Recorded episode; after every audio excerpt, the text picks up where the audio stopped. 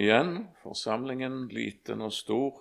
Flott å se og flott å synge eh, en sånn en sang med et sånn et eh, innhold. Jeg må si det at det er en av eh, de sangene jeg er mest glad i. Både bibelinnholdet, tyngden og sjelesorgen, evangeliet, alt det som eh, alt det den sier. Så ufattelig mye.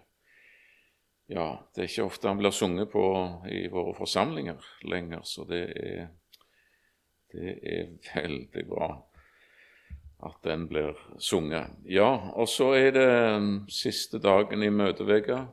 Tusen takk at dere har møteveker og legger til rette for Guds ords forkynnelse.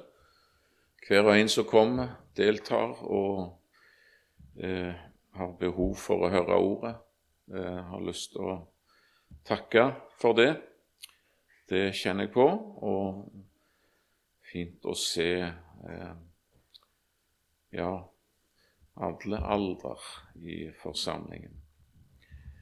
Takk for det som ble gitt til Guds rike. Herre, vi takker deg at vi igjen får være i sammen om deg og få eh, synge og få høre ifra Efeserbrevet kapittel 1 om hva vi eier og har i deg, Jesus. Gi oss syn for dette. Gi oss synet på deg. La oss få leve i ditt samfunn. Så ber vi igjen om velsignelse. Vi ber om din velsignelse over hver enkelt som går her, over familier, at du må beskytte og bevare og ta neste generasjon og neste generasjon, og så lenge tida står. Herre, la ditt ord få nå inn. Kall og dra inn til deg, og kall òg ut til tjeneste, Herre. Så ber vi om ditt eh, fortsatte nærvær over dette møter, over de mange møter rundt omkring, både i regionen og landet, og den verden, Jesus, som vi lever i, må ditt ord forkynne sant og rett og bli trodd. Amen. Ja, nå burde jeg jo egentlig talt over dagens tekst, og jeg burde jo ikke talt over den teksten som jeg eh, eh kommer til å tale over, for den hørte dere eh, forrige søndag. Da var det søndagens tekst, og det er vel derfor jeg har havna i Lukas 18, hele dette kapitlet, men det blir, eh, det blir, altså den samme teksten som dere sikkert hadde forrige søndag. Avslutningen av Lukas 18. Og Da leser vi i vers, fra vers 35 i Jesu navn om den blinde mannen ved Jeriko. Og det skjedde, da han kom nær til Jeriko, at en blind mann satt ved veien og tigget. Da han hørte at mye folk gikk forbi, spurte han hva dette var. De fortalte ham da at Jesus fra Nasaret gikk forbi. Og han ropte og sa, Jesus, du Davids sønn, miskunn deg over meg. De som gikk foran, truet ham at han skulle tie, men han ropte enda mye mer, du Davids sønn, miskunn deg over meg. Da stanset Jesus og bød at de skulle føre den blinde til ham. Og da han var kommet nær, spurte han ham, Hva vil du jeg skal gjøre for deg? Han sa, Herre, at jeg må få synet igjen. Og Jesus sa til ham, Bli seende, din tro har frelst deg. Og straks fikk han synet igjen. Han fulgte ham og lovet Gud, og hele folkemengden som så dette, priste Gud. Ja, eh, igjen, som vi har gjort òg de andre ganger, så har vi gjerne konferert med Matteus og, og Markus, som òg eh, gjengir denne beretningen, og som utfyller bildet og gir oss et eh, klarere, klarere bilde, kan du gjerne si, et mer utfyllende. Så Matteus han har det å fortelle, at det var to blinde som ble helbreda denne dagen i Jeriko. Og Markus han er så vennlig at han betror oss navnet på denne mannen, Bartimeus. Eh, og det er alltid sånn at jeg blir nysgjerrig egentlig når jeg leser om disse bibelske personer. Hvem var du, og hva, var, eh, hva skjedde i ditt liv, osv. Eh, vi vet noe om han. Bar betyr jo sønn. Altså, han er sønn av en mann som heter Timeus, og han er blind. Om han er født blind, eller om han er blitt blind underveis, det kan nesten antydes eh, det siste, for gi meg synet igjen. Eh, han bor i Jeriko, en av de ja, ja, det er jo den lavest beliggende byen iallfall på denne kloden. Eh, og i tillegg muligens den eldste. De reklamerer iallfall med det sjøl, at den opprinnelige Jeriko var den første by som er kjent i historien, og iallfall blant de aller, aller eldste. Og Det som iallfall er helt sikkert, er at han ligger lavest ja, i terrenget av, eh, av alle byer som vi kjenner, den dype eh, Jordandalen.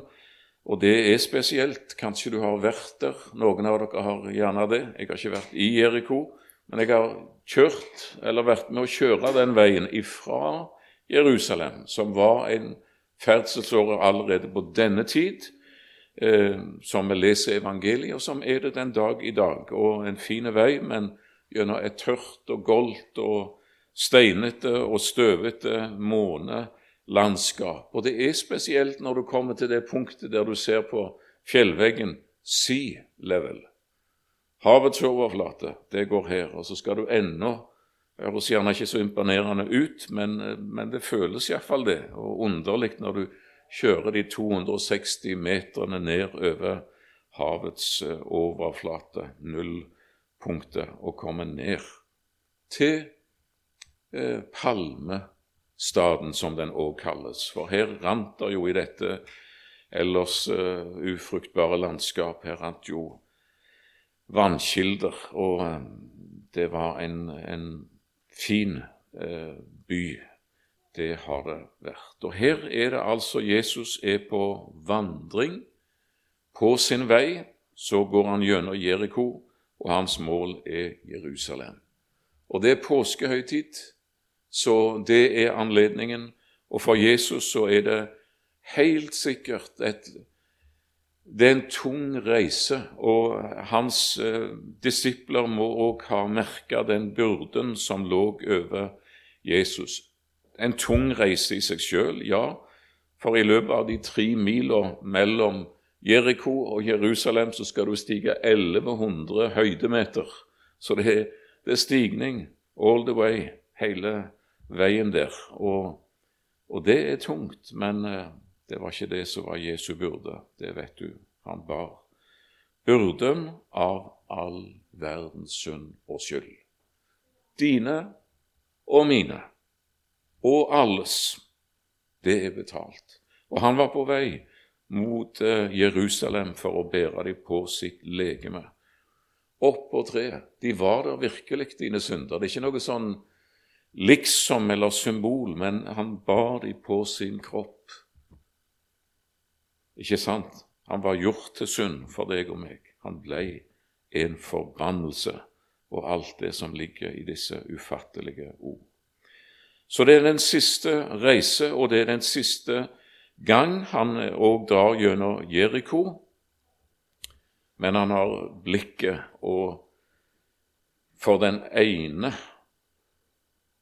og for en dag det skulle bli for en, en blind tigger, sønn av Timeus, denne dagen som skulle forandre både hans liv og hans evighet. Så er det en bibelfortolker som skriver at denne dagen i Jerusalem var det mange kalde, grå og fiendtlige øyne blant tilskuerne. Det tror jeg nok vi må regne med, for eh, Jeriko lå eh, strategisk i forhold til Jerusalem, og det er en kjent sak at veldig mange av de tusener av prester som hadde sin tjeneste i tempelet og ved tempelet, de bodde nettopp i Jeriko. Så at det var mange eh, uvennlige blikk som fulgte når Jesus ble anropt, og nå kom han og passerer gjennom byen, det skal vi absolutt regne med. Men ikke bare. For når han nærmer seg og han kommer til byen, så blir det stort eh, oppstyr. Folket som roper 'Jesus fra Nasaret går forbi'. Han er på gjennomreis, han har ikke tenkt å stoppe. Han er på vei mot Jerusalem, mot påskehøytiden. Men, men nå er han her og går gjennom vår by. Folket som stimler i sammen, store og små, for å få et glimt, et møte, og noen med et, eh, med et behov. Ikke sant? Så ser du denne mannen, kanskje fra sin faste plass der ved veien, der han eh, sitter og ser og følger med. Eller ser, det kan han ikke, men han hører. Hans sanser, de er skjerpa, og han forstår at eh, noe skjer. Og her er det mye folk og mye lyd. Hva er det som skjer? Og én person som er så vennlig og sier det, jo, det er Jesus fra Nasaret som akkurat nå går forbi. Da roper denne mannen, og det er både et, en bekjennelse og et mayday, et nødrop, i det han sier. Han sier, 'Jesus, du Davids sønn'. Det er en bekjennelse. Jeg vet hvem du er. Du er Messias. Du er han som eh, Jesaja talte om, og andre av profetene har talt om Davids sønnen som kommer med Davids rike. Det er den du er. Så han roper denne bekjennelsen, og så er det òg dette nødropet. Miskunn deg over meg. Ha medfølelse, medlidenhet med meg. Når du velsigner andre, glem da ikke meg. Du har stoppet ved så mange, Jesus. Nå er du her, og så er det et rop. Og så trenger vi gjerne ikke egentlig å referere så mye av det som står, og stoppe så mye ved hver enkelt ting. Men det er jo ganske eh, underlig at her er det de som går forrest i flokken, som vær så vennlig og ti stilt. Eller de ga han eh, De snakket i nokså klare ordelag ifølge de ord som står i de forskjellige evangeliene. Ti stilt. Eh, demp deg, skru ned volumet, eller skru helt av. Eh, hvorfor skulle han bry seg om deg? Han er, ikke, han er på gjennomreis. Hvorfor skulle han bry seg om en, eh, en, som deg? Ikke sant? Og kanskje var det noen med de kalde og grå og fiendtlige øynene òg som, som sa det sånn. Vel, der er ei tid for å rope Eh, og én ting er når eh, Jeg håper å si én ting er når ropet kommer utenfra. Det kan jo absolutt skje at det er Når noen er, på, er kalt av Gud og begynner å gi uttrykk for det, så er det, er mennesker som ber de å roe ned og, og slutte med dette. Men en annen sak er egentlig når, når ropet kommer innantifra, ikke sant? Når det er ditt eget hjerte som roper at det ti stilt. Hvorfor skulle, hvorfor skulle, Jesus bry seg om en som deg? Hvorfor skulle han stoppe ved deg? Du som er sånn og sånn og sånn, eh, hvorfor skulle han bry seg om deg? Det ropet det kan en kjenne noe til. Det kjente jeg til, absolutt, når jeg så på galleriet i gamle Betania i Stavanger, og Jesus var der. Han dro forbi, og jeg tenkte nå eller aldri. Men skal si jeg kjente den stemmen, ikke sant? Eh, ja, hvorfor skulle han bry seg om deg? Det hadde jeg nå hørt gjennom hele eh, Jeg håper å si det hadde jeg hørt fra barnsbein av, egentlig. Ingen som hadde sagt det til meg. Ingen predikant på Madla forsamlingshus som hadde talt på en sånn en måte at Men det var det jeg hørte All the way. Ja, det, er, det var sånn det var. Andre, men ikke deg. Og hvorfor det, hvorfor det er sånn, og hvorfor det blir sånn, det, det, vet jeg ikke. Det kan jeg ikke helt spore tilbake. Men, eh, men jeg hadde ganske klart ifra børjan av en, en, følelse av at dette er for andre og ikke for deg, som guttunge. Og den ble bare sterkere og sterkere etter hvert. Så eh, det nytter ikke. Men eh, denne mannen, han, eh, han ropte, og han ropte enda høyere når de ba han å dempe volumet. Og det er en bibellærer som skriver at det første ordet som står for at han ropte, det betegner et, et, et høyt rop for å få oppmerksomhet.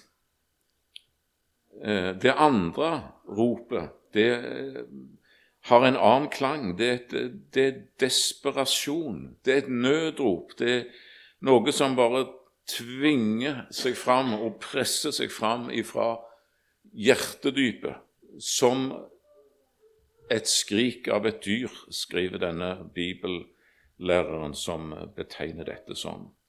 Det er tid for å rope, og det var det for denne mannen. Nå er Jesus her.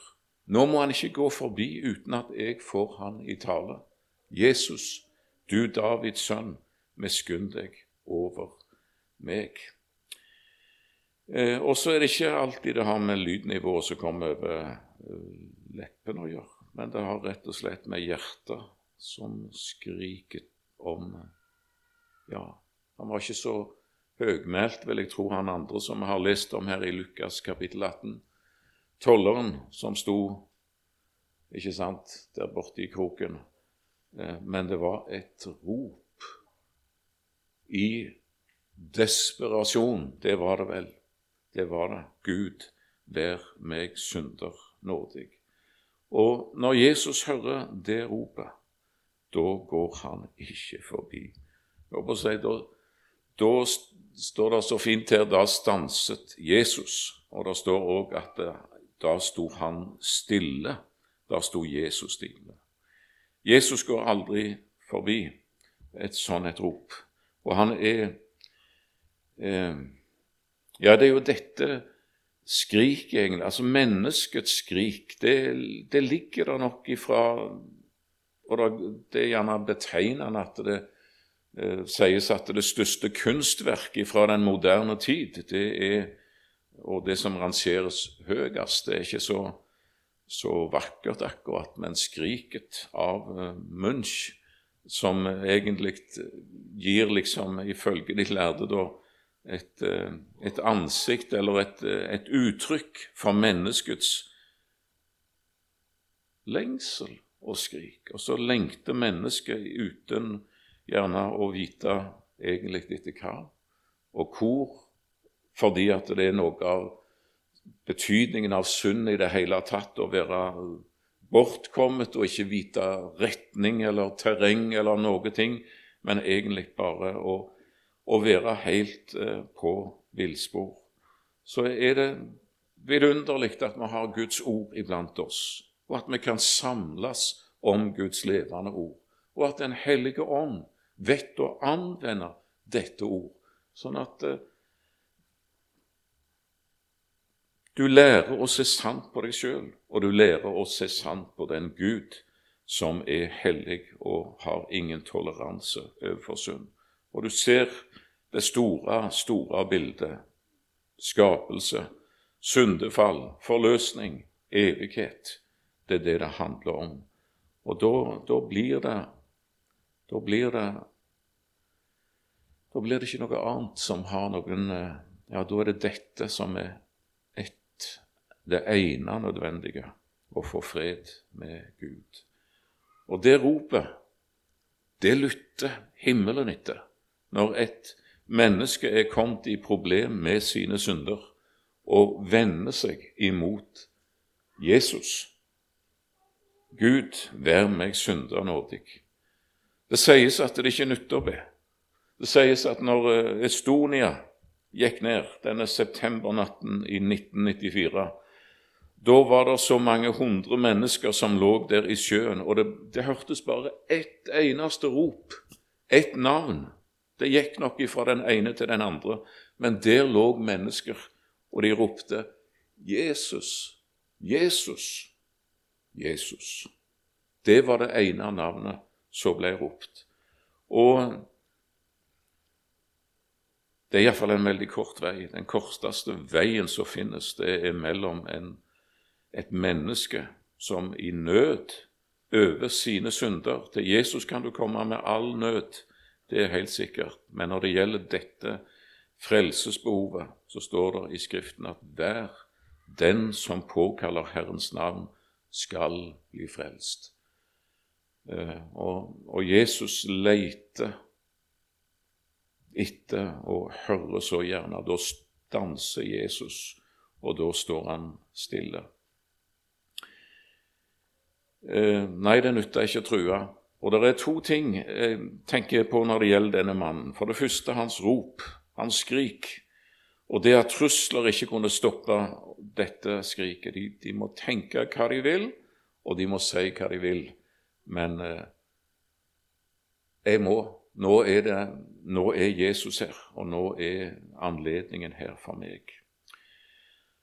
Det andre om denne mannen, som en i den sammenheng kan merke seg, det er det som Markus forteller oss, kapittel 10 og vers 50. Når Jesus hadde stanset opp eh, og sa at 'la han komme til meg', før han til meg, og det er noen som er så vennlige og videreføre og viderebringe det ropet. Det er sånn det Det er det vi er satt til og kalt til. Jesus kaller mennesker i nød. Det er noen som går og til denne sønn av Timeus og sier han roper på deg. Vær frimodig. Og han kommer seg opp. Og Det står om Markus 10 og vers 50. Han kastet kappen av seg, sprang opp og kom til Jesus. Ser du ham? Der i Jeriko, denne mannen. Det er noe herlig, noe befriende. Denne kappen som hindra han, og som sto i veien, den kasta han resolutt. Det er ikke noe annet som betyr noe nå. La de andre prøve å dempe meg. La denne kappen prøve å hindre meg. Ingenting Kaste kappen av seg og komme til Jesus. Vi har så mange slags kapper. Stolthetens, eller muligens rettere sagt feighetens kappe. Hvor mange mennesker er det som har vært kalt av Gud og opplevd at han, nå er det mitt navn han roper, og så har de tenkt hva vil andre si, og hva vil naboen eller ektefelle eller hvem det måtte være, hva vil de si og tenke om meg hvis jeg kommer til Jesus? Så ble de i sin kappe, egen rettferdighetens kappe. Det er jo en som vi kjenner veldig godt til. Hvorfor skal det være så mye snakk om synd og, og alt dette her? Jeg er da ikke verre enn andre, og min kappe den er finere, vil jeg påstå, enn eh, naboen to hakk bort forbi som går på bedehuset, men absolutt har eh, sine ting. Og den er bra nok. Den er bra nok. Og så er det egenrettferdighetens kappe. Eller sjølforbedringens kappe. Alt er ikke helt som det burde være, men jeg er sikker på at hvis jeg bare lapper og syr og pynter, så kan det sikkert bli bra til slutt. Sjølforbedringens kappe eller utsettelseskappen. En gang skal det bli. En dag skal jeg ta imot Jesus, men ikke nå. Det passer ikke i dag. Eh, en annen gang og en annen anledning når det passer bedre. Den kappen hadde jeg på meg på galleriet i Betania. Det er ikke noen oppskrift, og det er veldig fint å høre om alle de som alltid har levd med Jesus. Men jeg var en sånn en som var borte. Jeg var det. Og vi har alle vår håper å jeg, historie i så måte. Men den kappen, den kjente jeg på galleriet i Betania. Oh yes, det gjorde jeg. Ikke nå. Vent. En annen gang. Ikke, ikke nå. Nei, liksom. Den der motstemmen. Og ikke tenkte jeg over åndsmakter eller at det er en Satan som arbeider, men jeg vet jo hvem det var. Du, hvor befriende å få kasta kappen i Jesu navn og komme, ikke sant? Alt det som binder, alt det som hindrer. Og så er det en annen kappe som det står om i Jesaja 61. Og den er det ikke bare det at Ikke bare i anførselstegn at eh, du får den drakten når du kommer til Jesus som eh, den du er, som en uforbederlig synder i behov av 100% nåde. Du, det er ikke bare det bare i anførselstegn at den kappen finnes, og at den er tilgjengelig. Den er frelsens drakt, og den er rettferdighetens kappe, som gjør deg klar til bryllup i, i sammenhengen som det står i, som pryder deg, og som, eh, ja, som er alt det du trenger. Ikke bare at den fins, men det at han har kledd meg i denne drakten, og han har svøpt meg. Så ikke engang på å si, av- og påkledning er lagt opp til, til mennesket, men det er inkludert. Det er ordna, det tar Herren seg av. Slik er det. Og det er noe veldig fint med denne beretningen. Han visste ikke at det var siste gang Jesus drog gjennom Jeriko, men han visste én ting. Nå er Jesus her, og nå er min anledning, og jeg vet ikke om jeg får den igjen. Rop høyt, søk Han, kast kappen i Jesu navn, og så fram. Eh, og jeg synes Det er jo sånn med Bibelens eh, personlighetsberetninger. De er, de er malende i all sin enkelhet. Og det er ikke vanskelig, syns jeg, å se denne mannen for meg, der han hjelpes fram og står foran Mesteren. Og Jesus sier disse, disse vidunderlige ord at 'Hva vil du at jeg skal gjøre for deg?' Ikke at eh, eh, 'Her har jeg ei liste, eh, sønn av Timeus, som du må gjøre for meg', først, før alt, før vi kan snakke om eh, noe mer. Det bildet er det mange som har tenker på Ja, jeg tenker på dette her, dette fullstendig feilaktige ordet. Unnskyld at jeg sier det, for det er ikke feil i det hele tatt. Det det er vidunderlig riktig. Men det står et ord i første Tessalonikerbrev, og det er kapittel 1 og vers 9. Og du merker deg rekkefølgen. Ikke sant? De forteller selv om den inngangen vi fikk hos dere. Dere omvendte dere fra avgudene til Gud for å tjene den levende og sanne Gud. Det hadde vært den logiske rekkefølgen å skrive det i, ikke sant? At uh, først så omvender du deg fra, og så omvender du deg til. Ikke sant?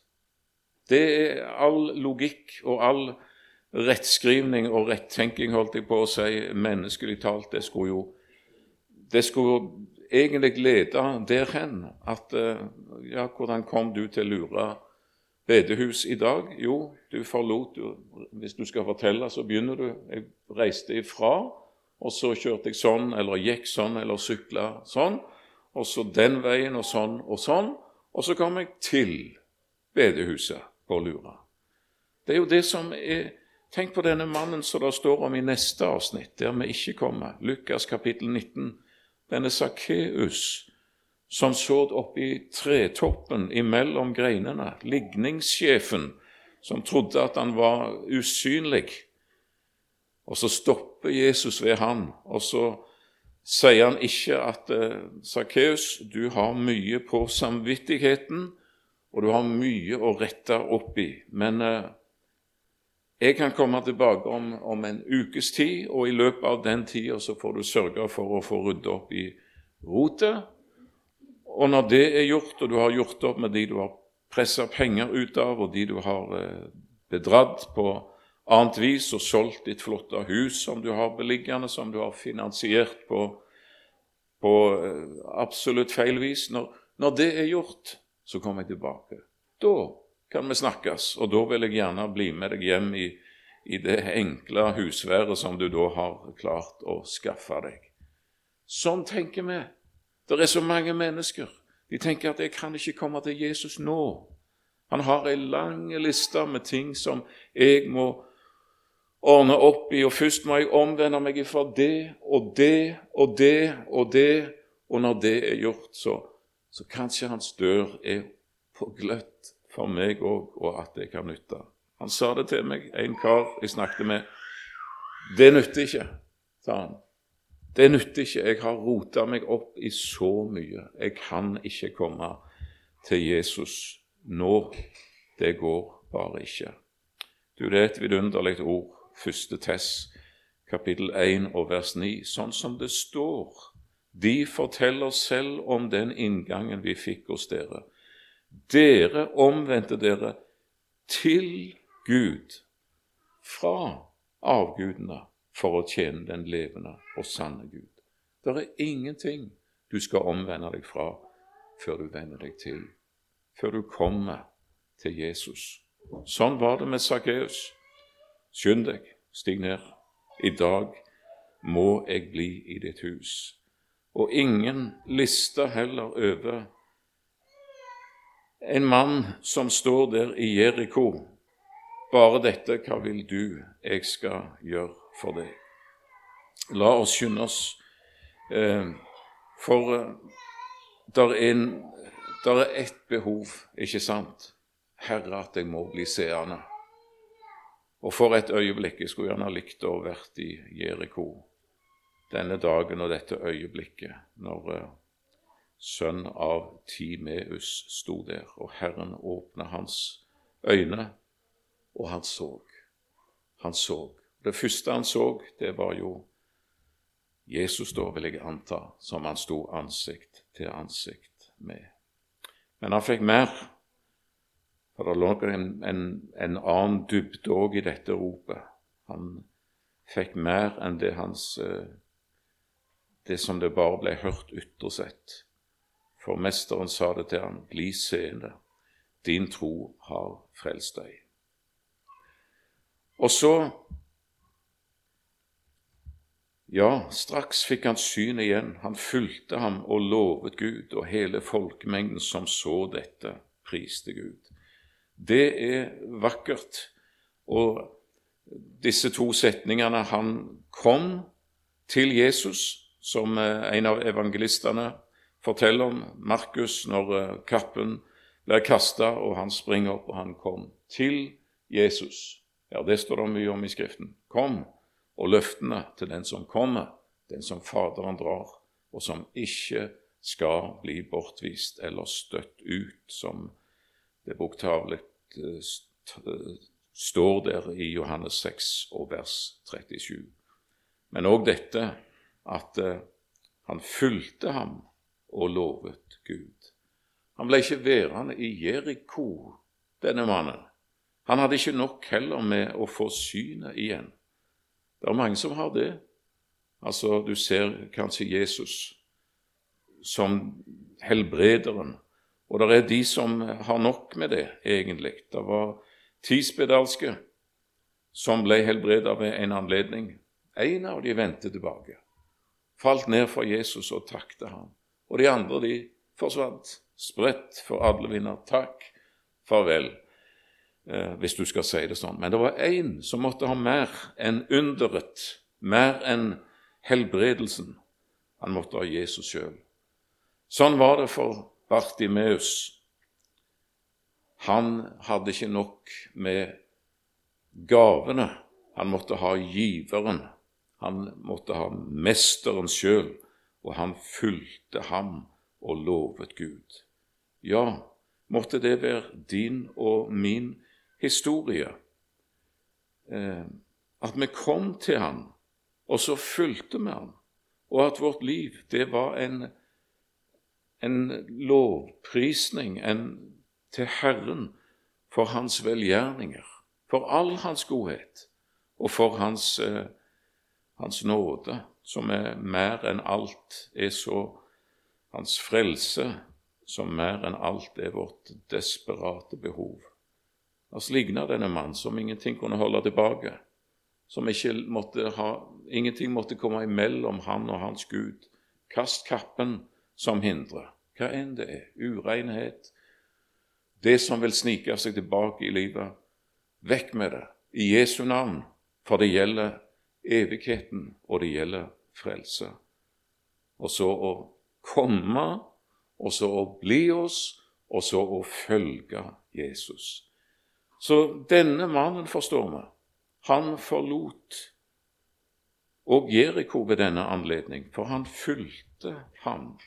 Og eh, ja, han fulgte han vel, ble en etterfølger av Jesus. Og hvis han nå fulgte han videre på Jesu vandring, som det er all grunn til å tro at han gjorde, opp gjennom de 1100 høydemeter, forbi det skiltet som ikke sto der da, men sea level, og videre gjennom dette tørre og golde landskapet, helt til du kommer til, til Jerusalem. Hva fikk du se, Bartimeus? Hva fikk du se på den vandringen? Og du så mye. Du så når Jesus stoppet der før han kom til eh, Jerusalem, når han stoppet der ved, eh, ved gravhula til Lasarus og ropte han ut. Bartimeus ser han liksom der han står i flokken og ser ser Guds under og ser Jesu allmakt, og han tenker at eh, ingen, ingen er som ham. Tenk at jeg får være i hans følge, og at jeg får se og oppleve dette. Han er stor, han er mektig, han har all makt. Og så videre mot Jerusalem, og så stopper Jesus der. Når han ser utover byen, og så renner det tårene ned over Jesu kinn, og han sier at eh, hvor ofte jeg ville samle dine barn, som ei høne samler kyllingene under sine vinger, og dere ville ikke. Da må Bartimeus ha undra seg. Har han ikke all makt? Kunne han ikke overprøve det? Hvem, hvem er denne mannen som ikke tvinger seg på? Og så videre. Inngangen, hele Jerusalem på enden. Hosianna, Hosianna. Og der er Bartimeus og tenker at jeg får se dette, at jeg får være med på det når Jesus hylles og stiger fram som det jeg visste at han var. Han er Davids sønn, og nå kommer Davids Messias, riket. Og så gikk veien videre. Og så var han vel der, da, på Golgata, den dagen og det øyeblikket når Jesus ble nagla til et kors. Og hva tenkte du da, Bartimeus, når du sto der, når du så med dine egne øyne, du som hadde fått øyene øynene åpna, og du ser han lide og dø, og du ser mørket, og du hører nødropet, og han bøyer sitt hode i døden, og hans hjerte har slutta å slå, og det er fullbrakt med din skarpe hørsel, den som du har bedre enn andre fordi du har nettopp måttet stole på den sansen. Kanskje du hørte det som ikke For det var ikke et rop. Dette, det er fullbrakt. Det står iallfall ikke noe om det i Skriften. Han sa, og kanskje lavmælt, det er fullbrakt. Og Johannes, som står der ved Jesu kors, han får det med seg, og han gjengir det ikke de andre evangelistene. Du hørte det kanskje, Bartimeus. Og så lyset. Sola. Overveldet av lys som bare stråler rundt eh, omkring hele Jerusalem og Israel, det som har vært borte i tre timer. Jorda som skjelver, alt dette forunderlige ropet fra høvedsmannen og alt dette og en sikkert uforstående Bartimeus som står der og ser